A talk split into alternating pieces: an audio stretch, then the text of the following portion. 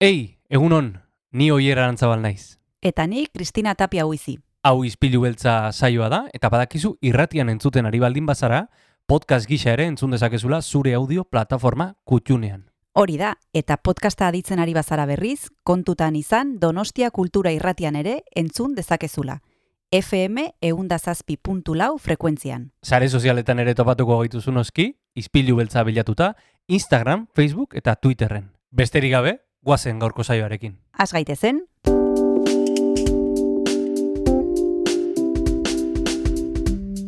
Ispilu beltza. Donostiako kulturaren berri, Oyer Arantzabal eta Kristina Tapia buizirekin.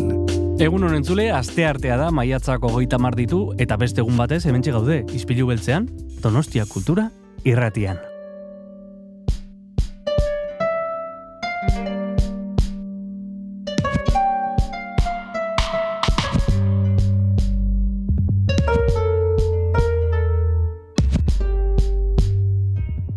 Izpilu beltzen gaude, goizero goizero bezala, eta tira, mm, egunero bezala, mm, Donostiako kulturaren isla izan nahi dugu, egunon, Kristina? egun oier, zer moduz? Ba, primeran, em, hori esan dagoa, ba, gauzak errepasatzeko gogoarekin, Mhm. zinemaz hitz egite, zinemaren inguruan hitz egiteko gogoarekin. Bai, eta badekizue e, joan den ostiralean ez genuela Donostia Kulturako ikastaro baten inguruan e, hitz egin, e, aldaketa atxo bat egin genuela, eta gaur hitz egingo dugu e, amaia, amagoia lauzirikarekin, berak Mhm. Ernest Juken e, eskaintzen batu ikastaro bat teknikas para hablar en publiko izena duena, eta gainera zuk esan bezala, zinemari buruz arituko gara, kresalako lagunak etorriko zaizkigu, kasu honetan Ines Kalero, eta aukeratu duten e, pelikula, eta proiektatuko duten pelikulak izena du La belleza y el dolor, Laura Poitrasena, beraz horrekin guztiarekin, eta asier rastiren musikarekin noski, hasiko dugu gaurko saioa. Noski baietz, guazen aurrera.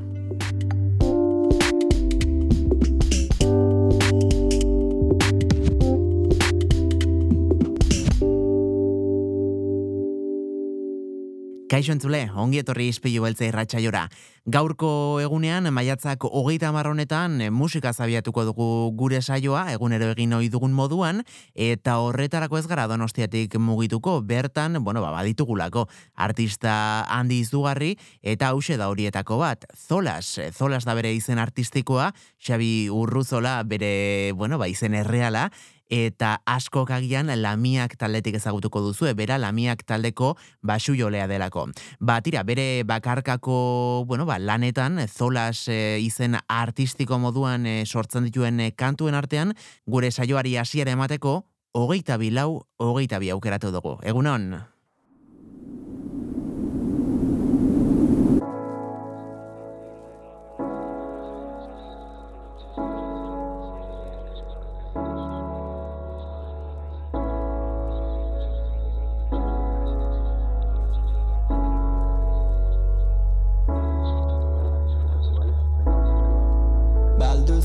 Sekreturik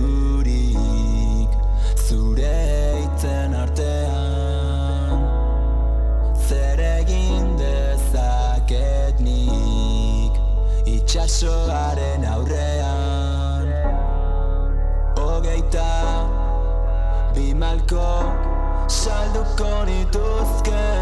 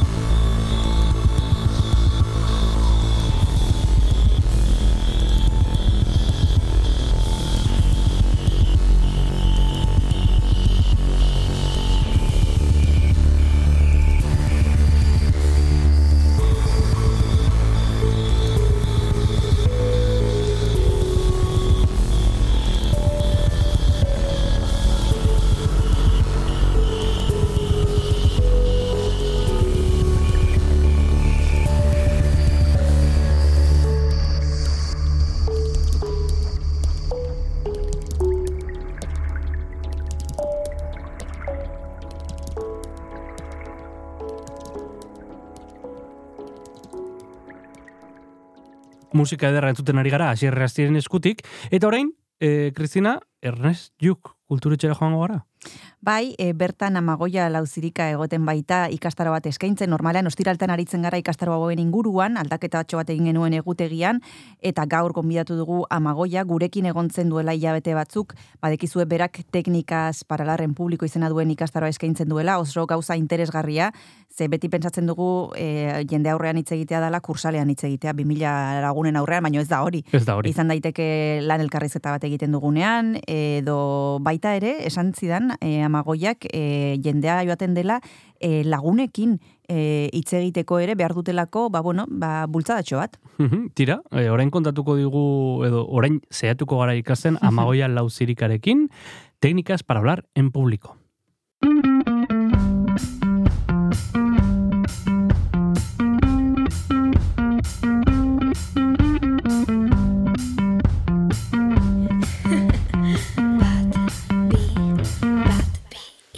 Eguna besteen berdina izango da mundu aldatzeko gogorik gabe. Monotonia utxonetan gaude murgilduta bizi irauten saiatzen. Hainbeste ahots egin behar duguna esaten isildu nahi ditut une batez. Oera joan irudimenak egin dezan jola sametxetan bakarrikan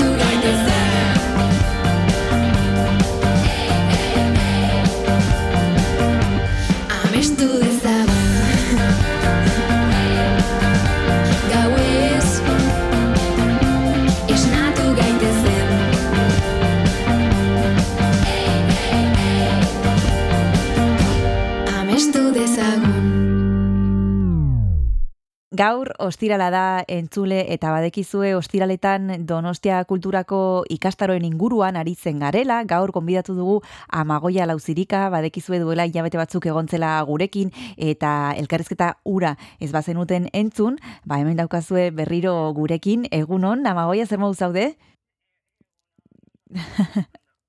Bueno, vamos a hablar de, de- de lo que ofreces en, en Donostia Cultura. La vez anterior también hablamos de- del cursillo, pero cuéntanos, por si alguien no lo escuchó entonces y quiere apuntarse, ¿qué vamos a poder aprender contigo, Amagoya? Vale, bueno, pues eh, a ver, yo los, los cursos que, que doy son de técnicas eh, escénicas eh, aplicadas para hablar en público. Son de comunicación. mm, mi formación es de actriz. Yo soy actriz eh, y luego entrenadora en comunicación. Eh, entrenadora en comunicación, ¿por qué? Porque ah, para mí la comunicación es un, es, es un binomio, es un binomio creación y acción. Tenemos una parte primera en comunicación siempre cuando una persona quiere pues presentar un proyecto, tiene que defender eh, la tesis de final de carrera o incluso una entrevista personal, tenemos el momento de creación, que yo siempre le llamo lo mismo. Bueno, la gente joven o más joven que yo últimamente usa mucho más el ordenador, pero yo le llamo el momento de folio en blanco. Folio en blanco y ahí sí que me centro, mi cabeza, qué palabras, qué estructura, qué orden va a seguir mi discurso, si es una entrevista personal, qué es lo que yo quiero que les quede claro. O sea, ese, ese trabajo es más sentada tú o sentado con, con uno mismo, con una misma y, digamos, con el bolígrafo o el ordenador. Pero luego tenemos la otra parte, que es el momento en el que nos ponemos delante de alguien, porque Sí. hablar en público no es hablar eh, eh, pues, eh, en el cursal Sí, a, un montón de gente. Cuando tú tienes una entrevista de trabajo también estás hablando en público. sí. Entonces, esa segunda parte es la que yo trabajo, la parte de la acción, la parte del entrenamiento. Eso es lo que se van a encontrar en los cursos en los que yo doy. Cuando hablas de la parte de la acción amagoya, de la parte del entrenamiento, ya me estás diciendo que esto se puede entrenar, pero habrá mucha gente que piense, Mm. bueno, esto hay gente que lo hace bien por naturaleza y otra gente que lo hacemos mal y que y, y ya está, y es así y, hay que asumirlo, ¿no? Pero tú consideras que esto se puede aprender, que se podemos eh, colocar nuestro mensaje, que podemos estar tranquilos, porque muchas veces mm, no- lo preparamos, pero luego cuando Mm. llega el momento, pues eh, nos pueden Mm. los nervios, ¿no? Y eso todo lo, eh, lo que habíamos preparado, la estructura, las palabras que habíamos escogido, lo que tú nos has dicho, ese folio en blanco, todo ese trabajo que habíamos hecho, luego se nos Sí. va a la porra, Maya. ¿Cómo, Amagoya, ¿cómo, ¿cómo podemos hacer para que no nos puedan los nervios, para estar tranquilos y, y- y- y poder aprender a dominarlos? Claro, bueno, lo primero, yo, eh, lo primero que te voy a decir es que los nervios nunca van a desaparecer. Ya, vale. Nunca. O sea, si alguien, eh, si alguien en algún momento dice, no, yo ya no me pongo ni nervioso ni nerviosa, eso es imposible. Porque al final, tú cuando te expones, y hablar en público es exponerse, Mm. ahí tiene que haber. Es que tiene que haber esas mara- eh, mariposas en el estómago, tiene que haber.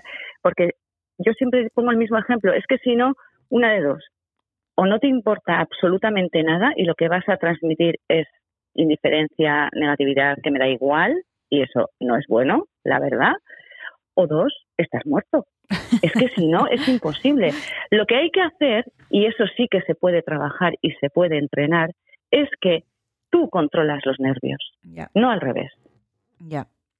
Y al final, cuando nos exponemos, es verdad que nos sentimos muy vulnerables, Mm, sobre todo porque tampoco estamos muy acostumbrados o acostumbradas a ello. mm. Por eso es fundamental el entrenamiento. Porque hay que, hay que, hay que ponerse, hay que mm, grabarse, hay que verse, hay que acostumbrarse. Mm. Es parte de la vida al final.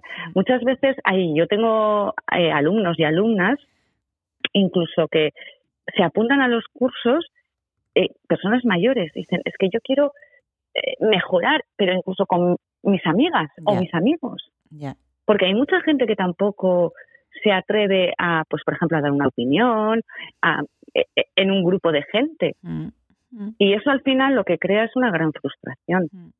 Y eso también es comunicación. Y eso también se puede entrenar. Ujú.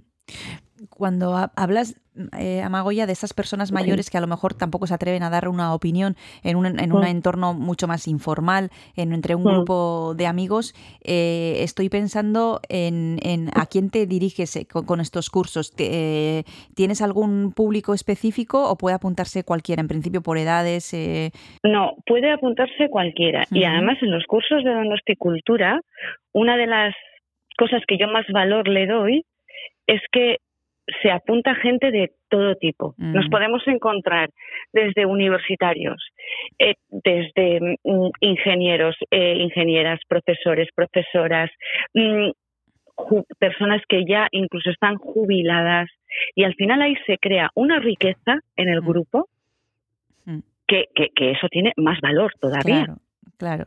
Mucho más valor. Entonces, para mí es, es fundamental porque eh, se aprende mucho haciendo, lógicamente, pero también viendo a los compañeros y a las compañeras.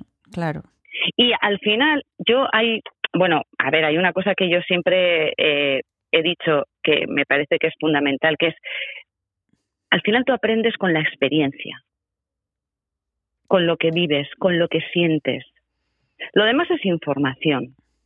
Yo, mis, mis cursos son sobre todo prácticos. Mm. Y además, eh, a veces me pasa ¿eh? que, eh, que de repente hay veces que viene gente y el primer día sale eh, asustado o asustada, diciendo, ¿dónde me he metido? ¿Por qué?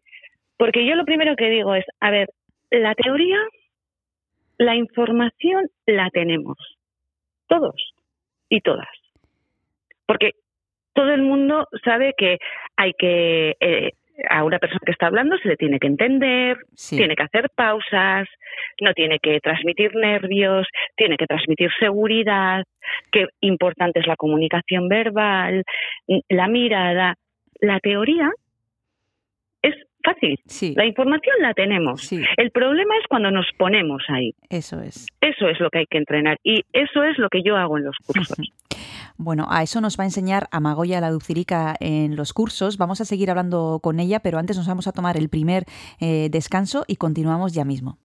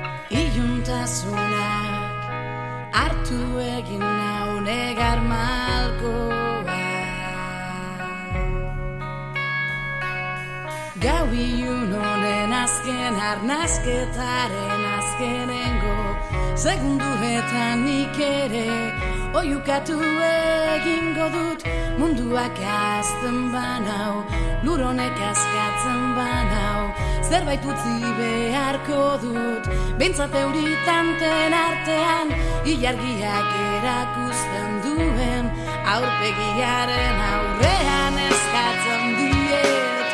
Oiukatu zizar galduei, nire negar malkoek ernaldezake galurra Nire harimarekin, energia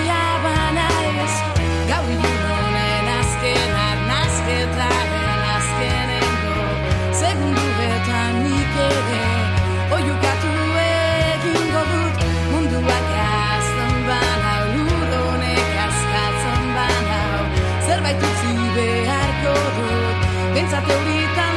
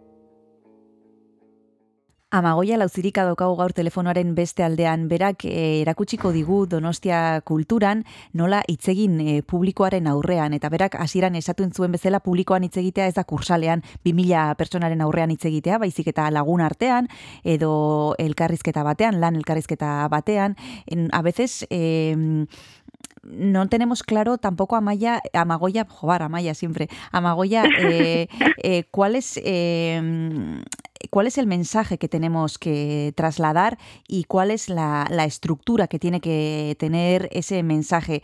Eh, esto, ¿qué importancia tiene? ¿Qué importancia tiene que digamos, por ejemplo, no sé si es así, tú me corriges, que digamos al principio lo, que, lo más importante, que, que subrayemos bien la idea que queremos dejar clara. Eh, eso todo, que lo tengamos claro antes del sitio a donde vayamos, pues, por ejemplo, me estoy imaginando una entrevista de trabajo. Eh, Eso qué importancia tiene que, que, lo tengamos trabajado de antemano para que luego nos salga como nosotros eh, teníamos pensado. Claro, eh, eh, es, una, es una muy buena pregunta porque la estructura y el orden en, en, en tu cabeza tiene que estar, lo tienes que tener muy claro. Uh -huh. Porque si tú no tienes claro el, el, mensaje que quieres que llegue. Yo siempre les digo, cuando empezamos a trabajar, siempre les digo lo mismo. Les digo, imaginaros que mmm, aquí ha venido gente a veros y haceros una pregunta. Al terminar yo mi entrevista de trabajo, mi exposición de la tesis o, lo que, o la presentación de mi proyecto, que cogéis a una persona de las que os ha escuchado y pensar qué frase os gustaría que esa persona os dijera. ¿Con qué te has quedado? ¿Y qué frases os gustaría escuchar? Mm. Ese es el mensaje. Mm. Ese es el que lo tienes que tener muy claro. Y para ello es fundamental, el, el, inicio es, digamos, como nuestra carta de presentación. Cuando yo hablo de inicio, no hablo solamente de cuando empezamos a hablar, ¿eh? En el momento en el que tú, pues no sé, o te sientas en una entrevista de trabajo, o entras en una sala, o ahí tú ya estás dando información de ti. Yeah. Ahí tu cuerpo ya está hablando y ya está transmitiendo nervios, seguridad, mmm, eh, miedo. Ya estás transmitiendo. Desde ahí tienes que, que, que, ser muy consciente de cuando tú abres esa puerta o das ese paso, ya estás. Hmm. Aunque no hayas dicho todavía nada. Yeah. Y sí es fundamental, por ejemplo, em empezar con, un, con unas buena, una buena frase, con algo que enganche, Uh -huh. Eso hay que trabajarlo. Y aparte de trabajarlo, como he dicho antes, en el, en el folio en blanco uh -huh. o en el ordenador, uh -huh. luego hay que hacerlo. Hay que hacerlo, hay que decirlo en voz alta. ¿Y cómo está tu cuerpo? Si estás sentada o sentado, ¿cómo está tu cuerpo? Porque aparte de la palabra, que claro que da información, el cuerpo da mucha. Y lo que no puede haber nunca es un divorcio entre una y otra, y a veces pasa. Yo no sé si los oyentes o, o tú misma en algún momento es, eh, habéis escuchado a alguien o estáis viendo y escuchando a alguien y decís, mmm, bien, sí, pero hay, le falta algo, o sea, mm. hay algo que no me convence. Mm. Pues eh, si lo analizas bien, igual es que hay un divorcio grande entre las palabras que está diciendo y lo que su cuerpo está transmitiendo. Mm. Sí, muchas veces, a veces igual a una persona que nos está diciendo que está súper contenta, pero que en la cara vemos que no, o al revés, ¿no? Eh, eso también a veces nos pasa y dices, jo, pues menos mal que estás contenta, porque eh, estás diciendo una cosa y la contraria con diferentes canales, pero, pero eso también a veces lo, lo, lo solemos detectar y eso significa que también nosotros lo haremos seguramente. Claro, exactamente, exactamente. Y entonces eh, en la vida eso pasa. Yo siempre, siempre le, le, les digo a los alumnos y a las alumnas, a ver, en la vida eso nos pasa. Pero cuando tú tienes que exponer algo, eh, una entrevista de trabajo, eso se puede entrenar. Mm. Yo siempre recomiendo empezar con un ejercicio que yo digo es el ejercicio de aquí y ahora. Mm. Porque todo el mundo, a todos los sitios llegamos con nuestras mochilas. Con cosas buenas, malas, eh, hay días que son mejores. Hombre, cuando la cosa es estupenda, es maravillosa y mm. tienes una energía genial y estás encantado o encantada de la vida, pues mira qué bien. Pero, ¿y si estás en un momento en el que no? Ya. Entonces tú tienes que preparar tu cuerpo, tu mente para decir, no, pues ahora mismo tengo que hacer un KitKat. Mm. Tengo que hacer un KitKat porque esto esta presentación o esta entrevista es importante y que nadie se preocupe porque luego la mochila está, ¿eh? Mm. O sea, no es que, ah, ya me he quitado este problema. No, no, no, no, no. Es, es entrenar para ser capaces de hacer un Kit Kat y en ese momento dar lo mejor. Claro. Bueno, ahora mismo vamos a Sí. seguir hablando con Amagoya Laucidica, que nos está dando unas claves de lo más interesantes para hablar en público, que no es, como decía ella, hablar delante de 3.000 personas en el cursal. Hablar en público muchas veces es eh, en nuestro día a día, pues lo hacemos millones de veces eh, cuando vamos al banco a pedir una hipoteca, cuando vamos a una entrevista de trabajo, cuando tenemos que presentar un trabajo en la universidad eh, o en el propio centro de trabajo. Bueno, muchísimas cosas que nos está dando unas claves de lo más interesantes. Vamos a hacer el segundo y último descanso y continuamos ahora mismo.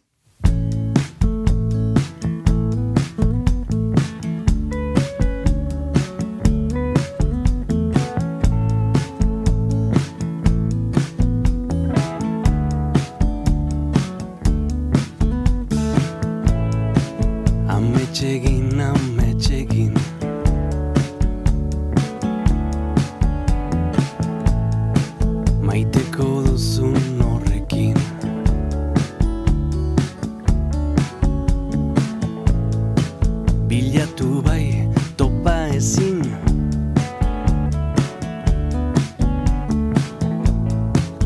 Lasai lotaratu berriz.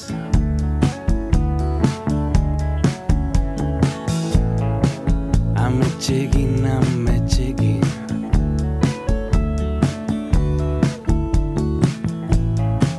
Gorrotu duzunarekin.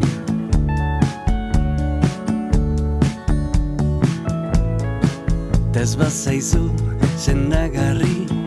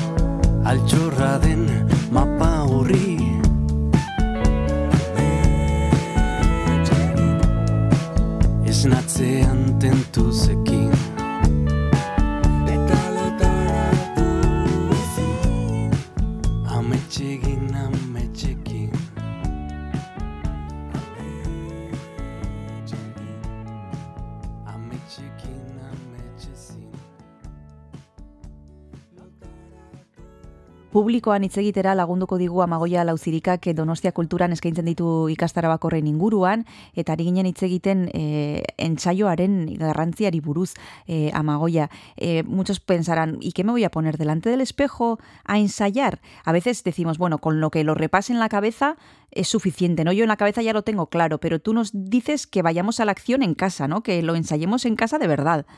Claro, claro, porque, a ver, eh, el papel Claro. lo admite todo.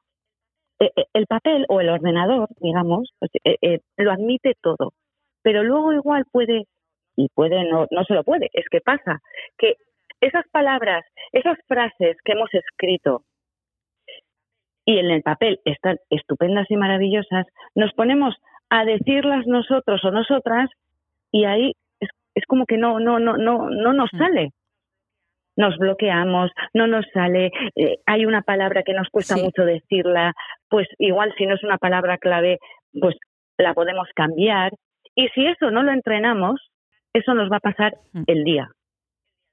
El día de la entrevista, el día que hagamos la exposición. Entonces, por eso hay que entrenarlo.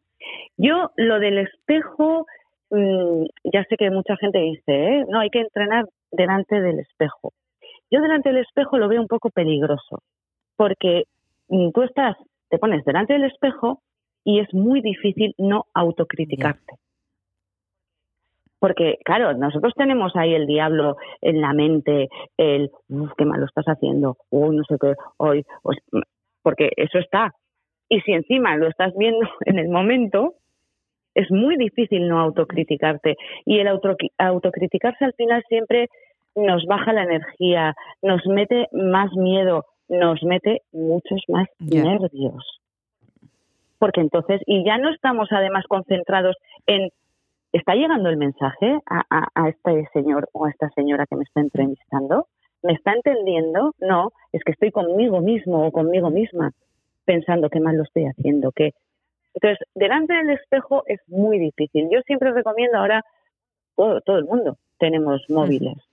Pues con el mismo móvil, grábate y luego hazlo entero y luego lo miras, lo escuchas. ¿Cómo suena?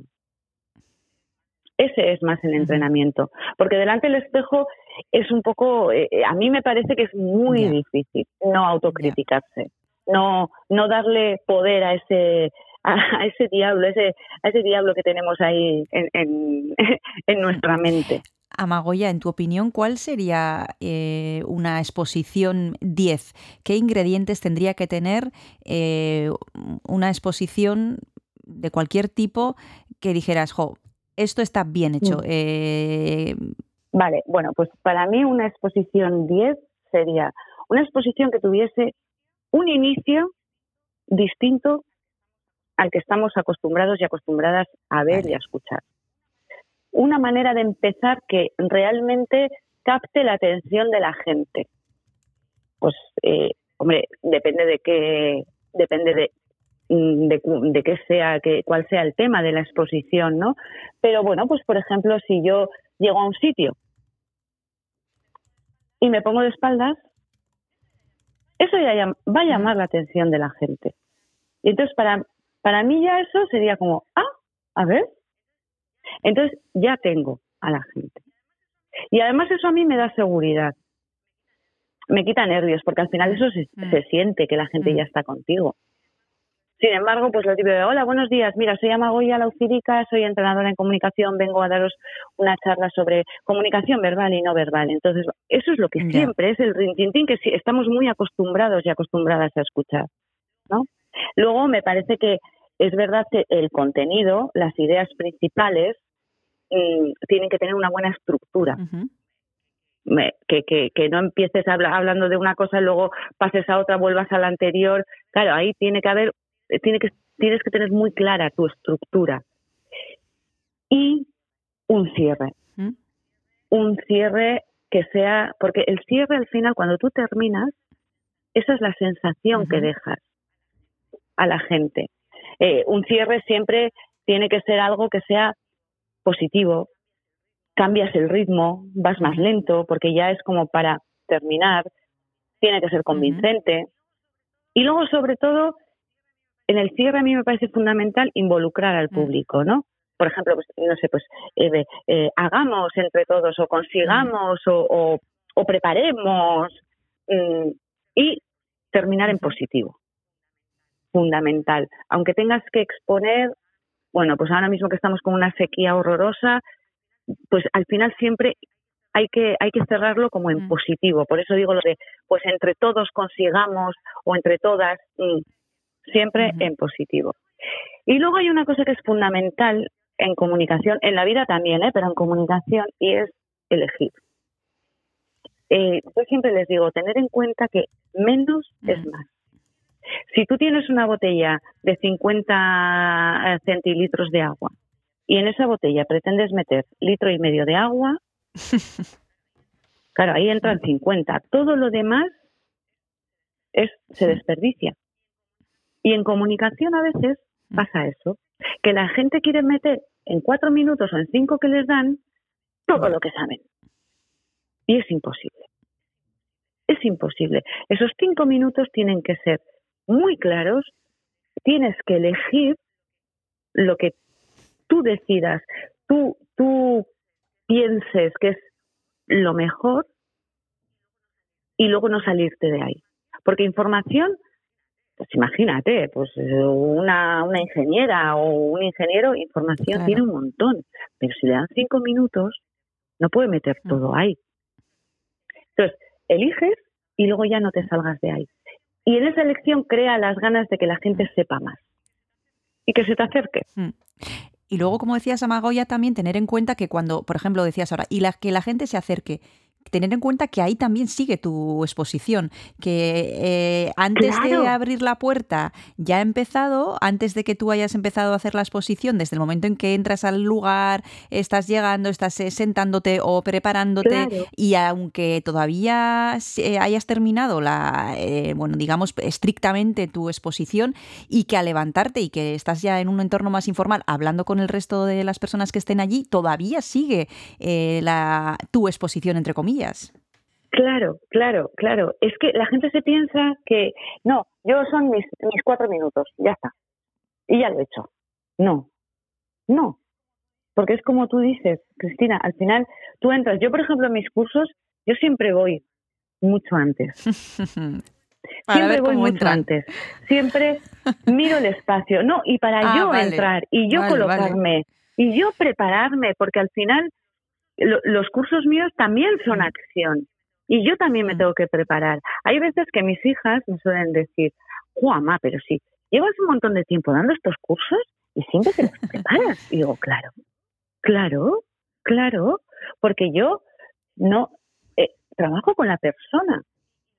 Y, y las personas, todas son distintas. Y yo, claro que me tengo que preparar y me tengo que concentrar y tengo que calentar mi cuerpo, mi voz. Tengo que hacer exactamente el mismo entrenamiento que si fuera a dar una charla. Mm. Tengo que abrir muy bien mis orejas, porque la gente a veces oye, Sí. pero no escucha. Sí. ¿m? Y eso también es Sí. muy importante. Entonces, y hay, hace falta una preparación. Y yo siempre digo, cuando tengáis que ir a una entrevista de trabajo, a una exposición, ir antes. Ir antes.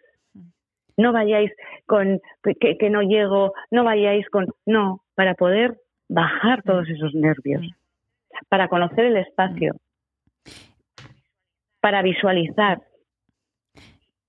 Y todo eso, hombre, mm, yo sí que estoy viendo grandes cambios. ¿eh?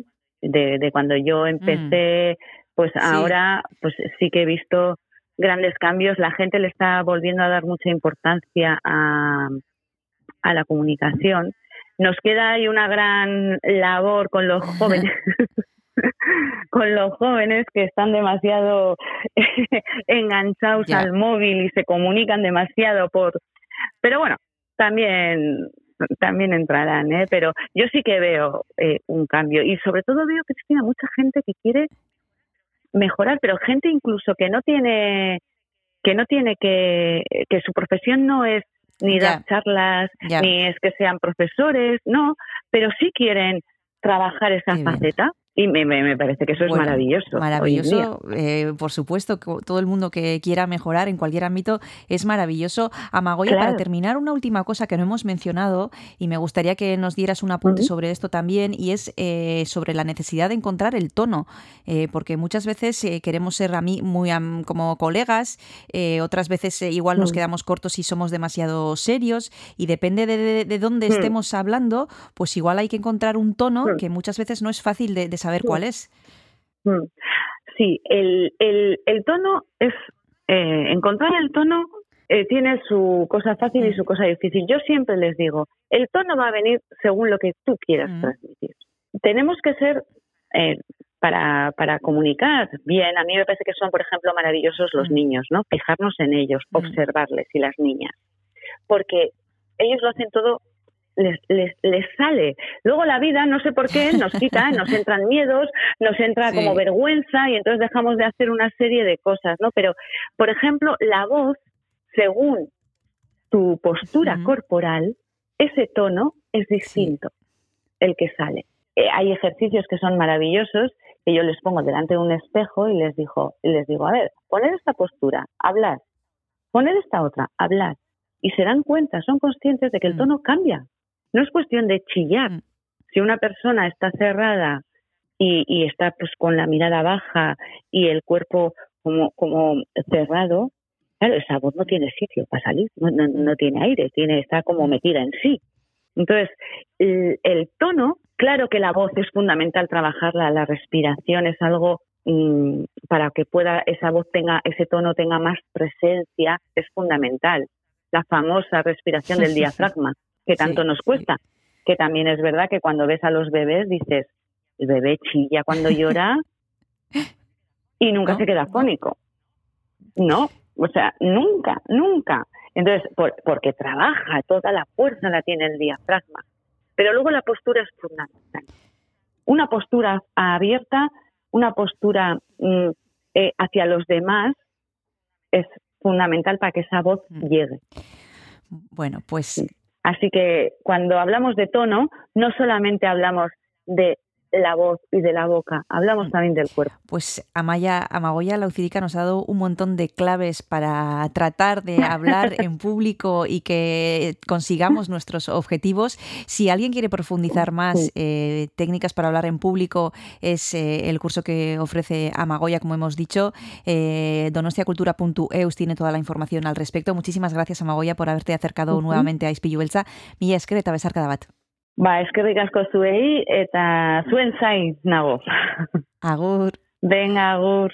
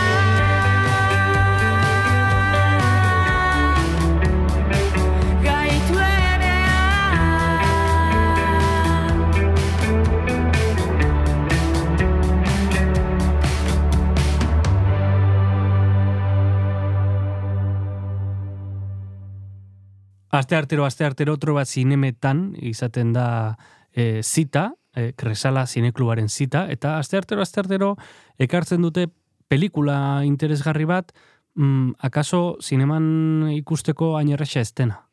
Hori da, hain errex ez dena beraiek asko, bueno, zinema asko ikusten dute, zinema ez komertziala ikusten dute, eta pelikula horietako bat proiektatuko dute gaur arratsaldean trueba zinemetan, arratsaldeko zazpiterdietan, eta horren inguruan arituko gara gaur Inés Kalerorekin La Belleza y el Dolor. Laura Poitrasen filma da, joan den urtekoa, 2008 bigarren urtekoa, eta jarraian entzungo diogu. Jarraian entzungo dugu, gogoratu e, filmaren ostean gainera solasaldi interesgarri bat izaten dutela, e, bueno, ba, zineklubetan egiten den, egin ohi den bezala, ez?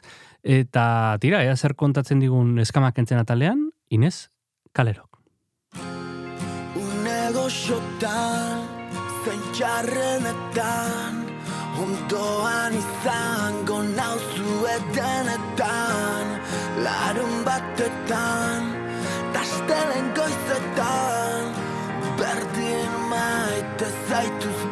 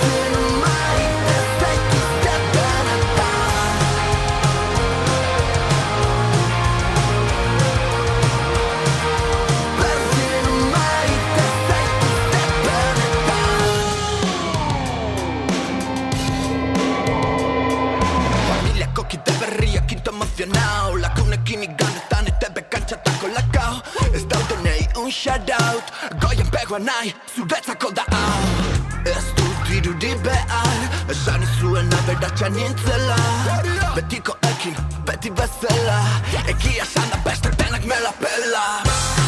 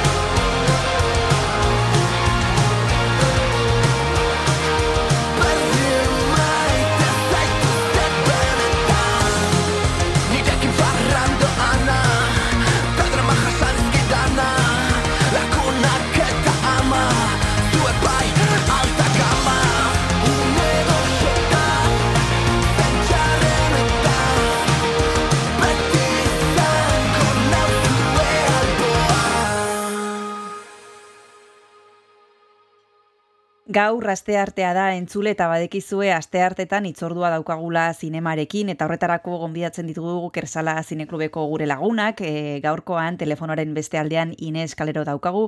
E, berak hitz egingo digu pelikula eder baten inguruan, oso saritua izan dena, La belleza y el dolor izena du. Laura Poitras zuzendariak, e, estatu batuetako zuzendariak e, zuzendutakoa, iazkoa. Egunon Ines, ¿qué tal estás? Egunon, muy bien. ¿Cómo estáis? Bueno, hoy estábamos diciendo en la introducción, Inés, que nos vas a hablar de una película que, bueno, a pesar de que no lleva más que un año de vida, está teniendo un recorrido bastante interesante, ¿no? Por los premios que ha recibido, por las críticas que ha recibido. Antes de nada, nos gustaría que nos contaras, eh, sin que tampoco nos destripes demasiado, eh, en qué consiste la historia que nos plantea en esta ocasión eh, la directora Laura Poitras en La belleza y el dolor. ¿Qué nos va a contar? Bueno, pues habla sobre la figura de Nan Golding, que es una fotógrafa neoyorquina.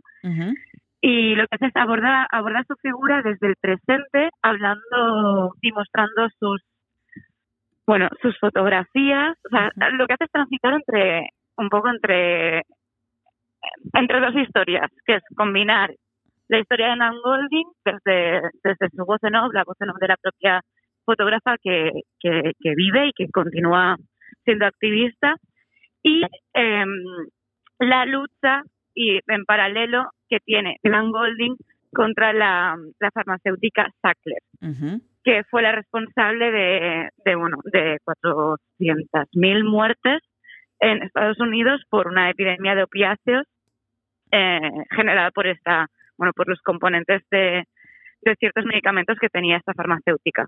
Entonces, eh, bueno, combina, eh, la, o sea, te explica cómo Nan Golding continúa siendo activista.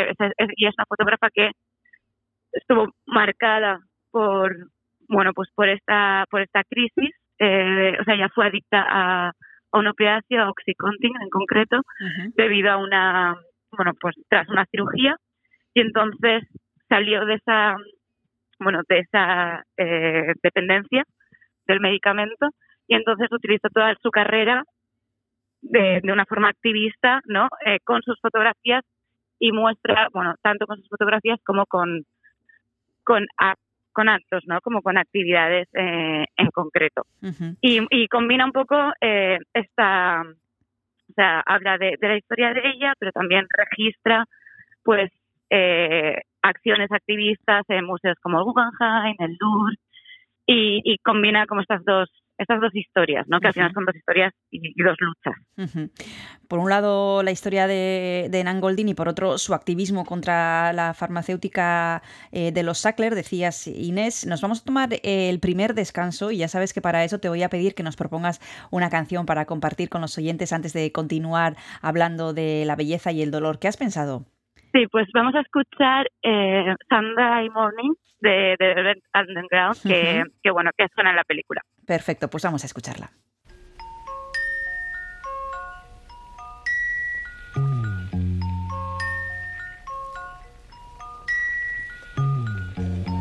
Sunday morning brings the dawn in. It's just a restless feeling by my side.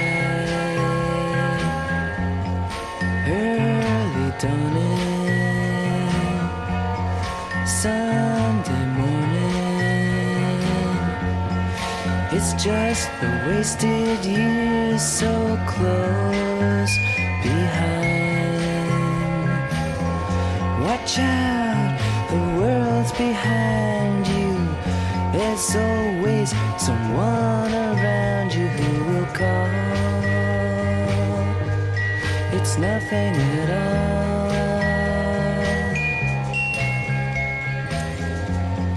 Sunday morning,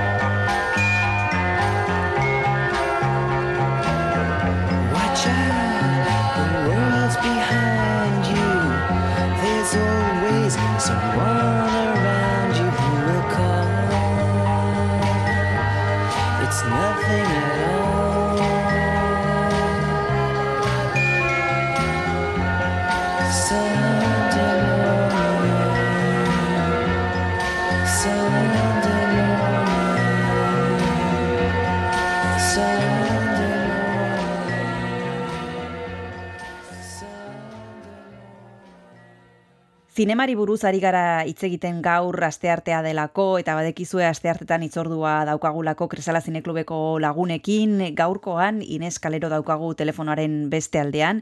Pelikula que izena du La belleza y el dolor iazko pelikula da 2022 bigarren urtekoa. Ia bi orduko dokumentala badekizue Laura Poitrasek zuzendutakoa estatu batuetatik dator eta oso kritika honekin iritsi zaiguna. Ari ginen hitz egiten sinopsiaren inguruan. Inés, nos estabas contando en qué consiste la sinopsis de este último proyecto de Laura Poitras. Eh, por un lado tenemos eh, la vida del artista Nan Golding, que está muy ligada a, a, los, a las consecuencias de, de, de la, de, bueno, de, de lo que vende, entre otras cosas, la farmacéutica eh. Sackler, que son unos opiáceos que bueno, crean una dependencia que, que ha causado en Estados Unidos solo la muerte de 400.000 personas. ¿Cómo hace la autora para en este documental conjugar ambas cosas y, y que resulte, eh, pues el resultado sea el que es, ¿no? Decíamos que es casi, casi dos horas de documental y sin embargo no, no parece que, que sean tan- tantos minutos. ¿Qué, qué recursos utiliza la autora? No, la verdad es que se pasa bastante rápido. Bueno, sobre todo utiliza el testimonio con la voz en off de, de ella, de Nan Golding, que ya de por sí es muy potente, eh, para ilustrar su parte del, pasado, ¿no? Y para contar su, vida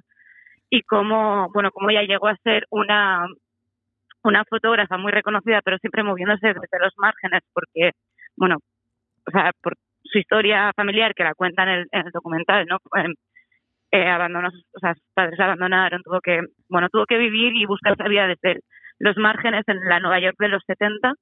Entonces, eso ya de por sí, la voz de ella eh, ya es un recurso muy importante. Está también apoyado por las imágenes de Nan Golding, que, que son imágenes que retratan una sociedad, pues precisamente esta, ¿no? Como marginal, en los márgenes, eh, también una sociedad, o sea, unos- un círculo de, de artistas, ¿no? Con- de esta decadencia, sin romantizar la palabra, ¿no? De, de la escena underground de, de Nueva York.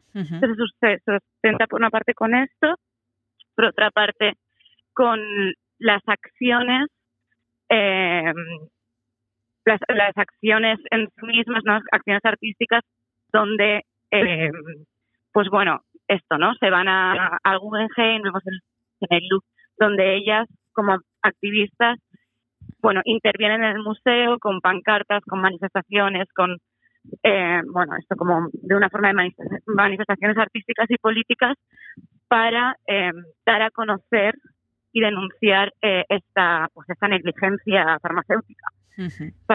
Farmacológica, sí. Entonces, ella, o sea, la, la directora, graba a Nan Golding y a la asociación que ella fundó, ella a raíz de, bueno, de ser víctima directa de, de las consecuencias de, de estos opia- opioides, crea una asociación que se llama, las, las, las siglas son PAIN, que significa dolor en inglés, y entonces eh, lo que hace también es registrar estas acciones y el testimonio de, de personas que continúan vivas y que también han sido eh, han sido víctimas, ¿no? O han sufrido estas esta dependencia de, de estos de estos fármacos y que ayudan y contribuyen, son parte de la asociación y que ayudan a Nan Golding a hacer todas estas actividades en los museos.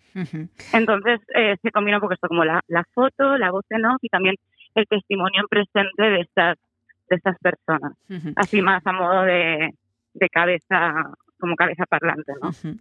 varios elementos que han hecho que este trabajo, La belleza y el dolor, pues eh, haya tenido, como decíamos al principio, eh, muchísimos premios y nominaciones. Por ejemplo, ha estado nominada a Mejor Documental en los Oscars del año pasado. En el Festival de. Venecia obtuvo el León de Oro a la Mejor Película. También ha estado nominada en los, DAP, en los, Ba- en los BAFTA. Eh, bueno, un montón de, de premios y de buenas palabras por parte de los críticos. A ti personalmente, Inés, ¿qué es lo que más te ha gustado y más te ha llamado la atención de este trabajo? Bueno, pues para empezar, eh, bueno, ya sentía fascinación por, por las fotografías de Nan Golding, pero desconocía toda la historia que hay detrás, que hay, hay componentes familiares también importantes y por eso animo, o sea, no quiero como destriparlo más, pero Sí. animo a la gente a la que vaya a verla. Y, o sea, más allá de la- del potencial de, de su testimonio y de las fotografías, creo que combina muy bien y equilibra muy bien, pues eso, ¿no? Como esta lucha, es una persona que ha estado luchando constantemente desde que tiene 14 años.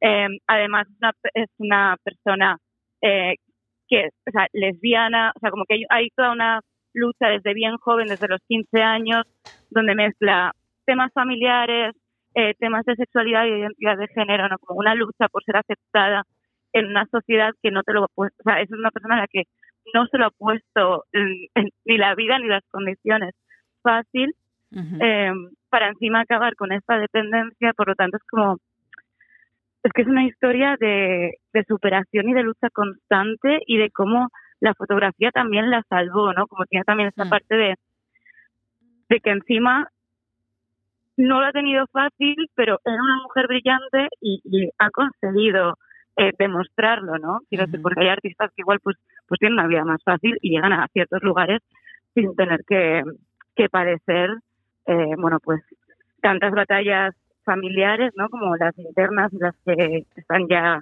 declaradas de por sí, Mm. eh, luchar con, e- con, con, con ella y contra ella misma, ¿no? Que en la sociedad de los 70, en, en unos espacios como marginales, que no se lo pusieron nada fácil, pero igual también gracias a eso, pues pudo también encontrar su vía de, de expresión y su vida artística, no sé. Creo que eso es lo que más, más me gustó, que son muchas cosas.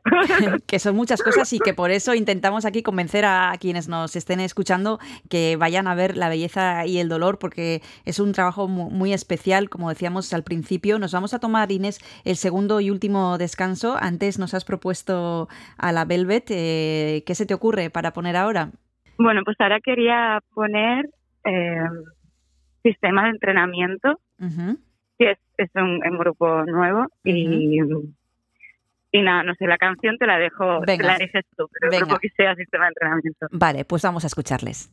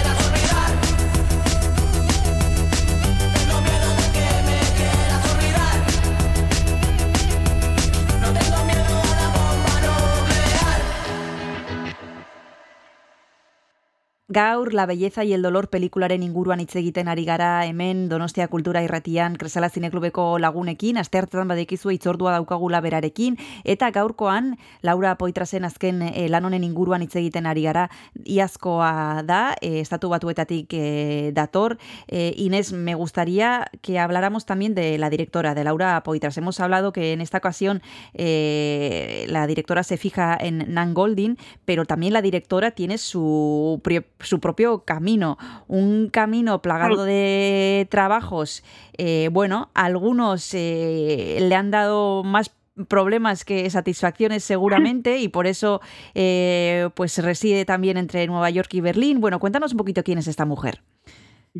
Bueno, pues es una mujer que realmente fue muy conocida por Citizen Four, que es una película, creo que de 2014, si no lo digo mal, pero bueno, como es una película que hacía unos años que, que hizo, que lo que hacía era eh, indagar en, en, en los archivos para destapar eh, toda, toda la trama y toda la vida que había alrededor de Snowden.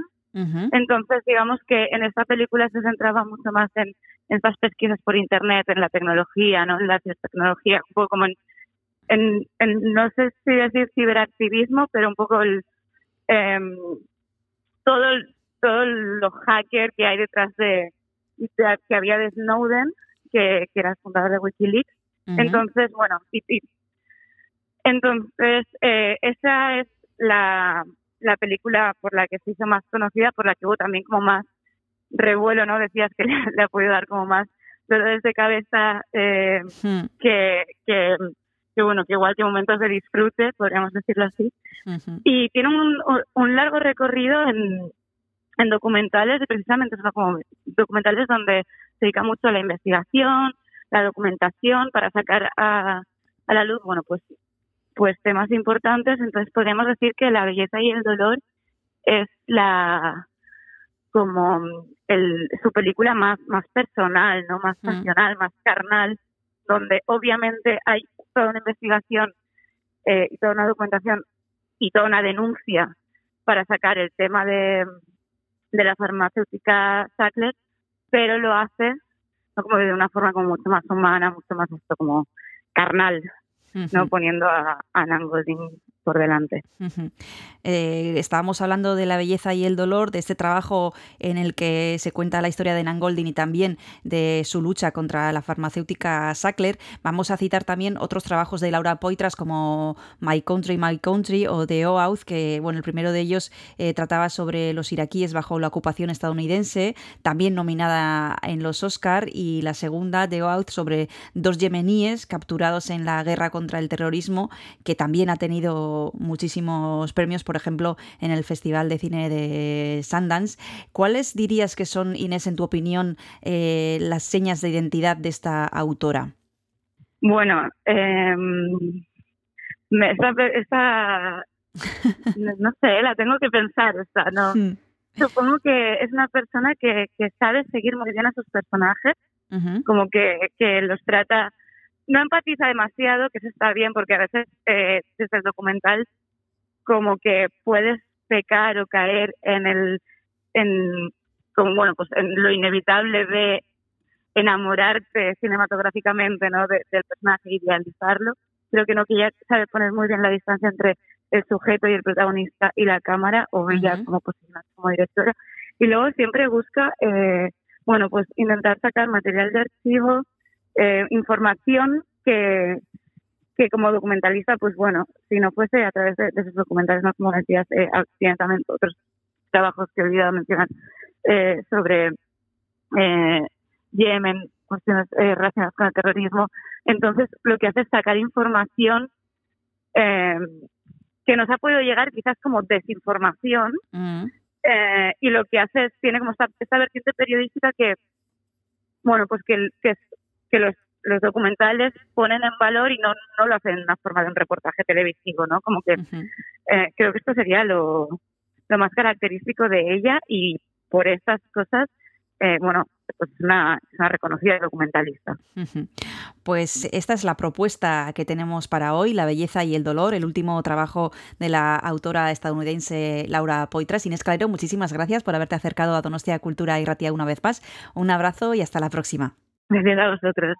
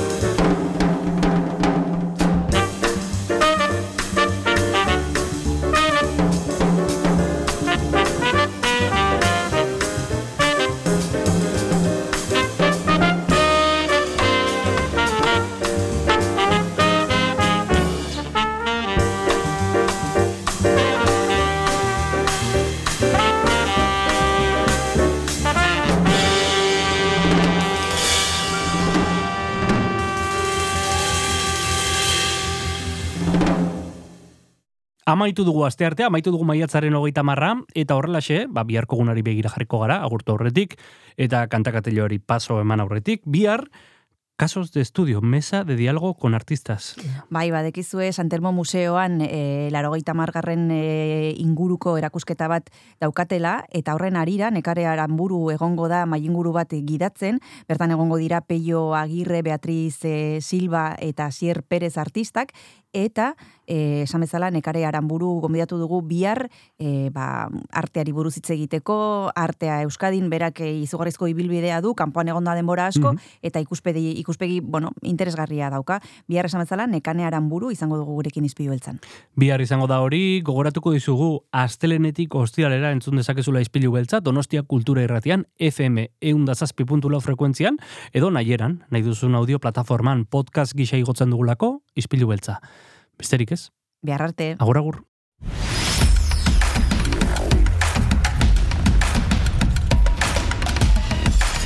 Donostia Kultura Irratia. Zabaldu gurekin Donostialdeko kulturaren leioa.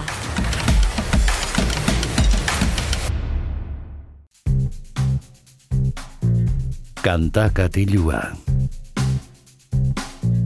Eta ohartu gabe iritsi da kantakatilua. Badakizue tarte honetan, bueno, ba, musika izaten dugula izpide, eta gaurkoan ere alaxe izango dugu.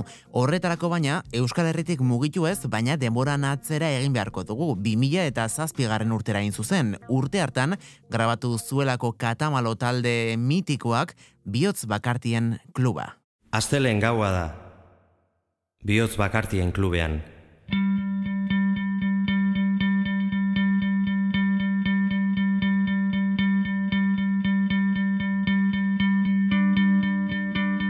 Atzamarrik ez duen piano joleak biltzeko kantuaren lehen notak jo ditu. Astiru urreratu dira katamaloak. Bihotzak ateatuta. Pausuan arras. Gorputzetik bi metrora. Aurkezle mutuak emanaldia berehala hasiko dela iragarri du. Baldintza bakarra dago. Ez dezala mikrofonoak agindu. Ausartu da lehen katamaloa, burumakur bada ere. Ozen dio. Gezurra esan nizun, oi hartzunak egia itzuliko zizulakoan. Erreskadan datoz beste aitorpenak ere.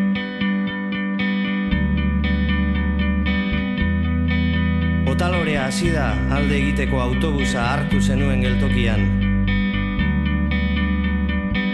Zaindu gabeko lorategia da, zure oroitzapena.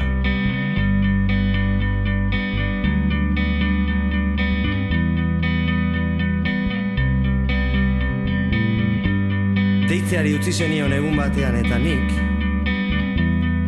nik zure ahotsa entzuten dut, telefonoa hartzen dudan bakoitzean, Berdin dio. Berdin dio zein adinekoak diren elkar ikusi gabeko egunak. Isildutakoak errepikatzen, gabiltza ordutik. Isildutakoak errepikatzen gabiltza ordutik.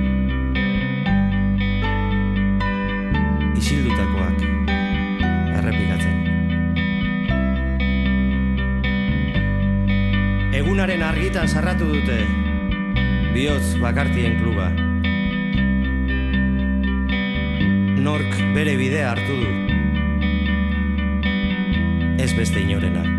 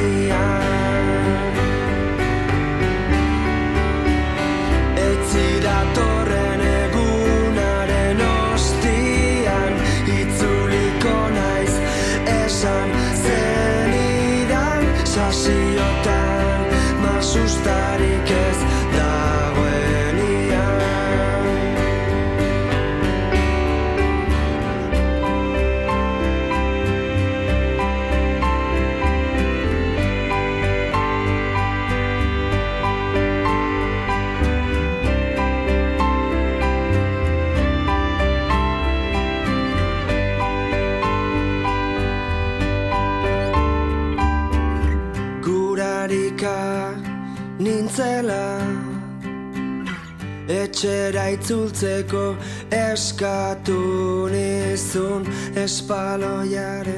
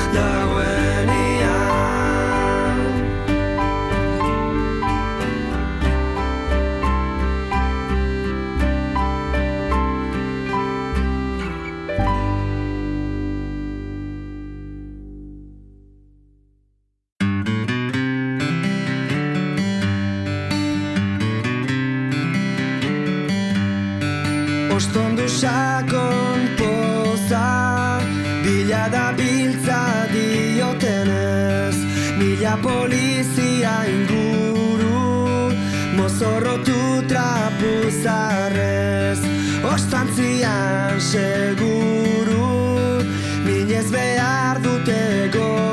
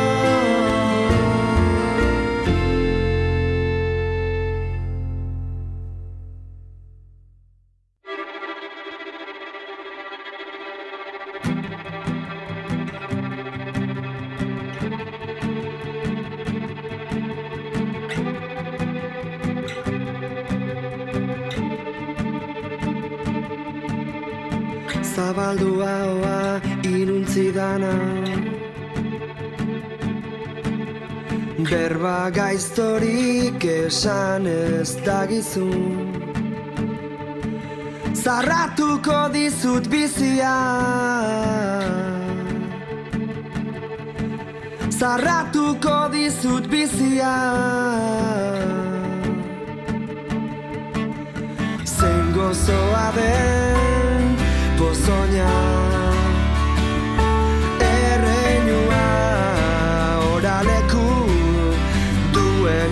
bizitzak Zer gozoa den pozoinak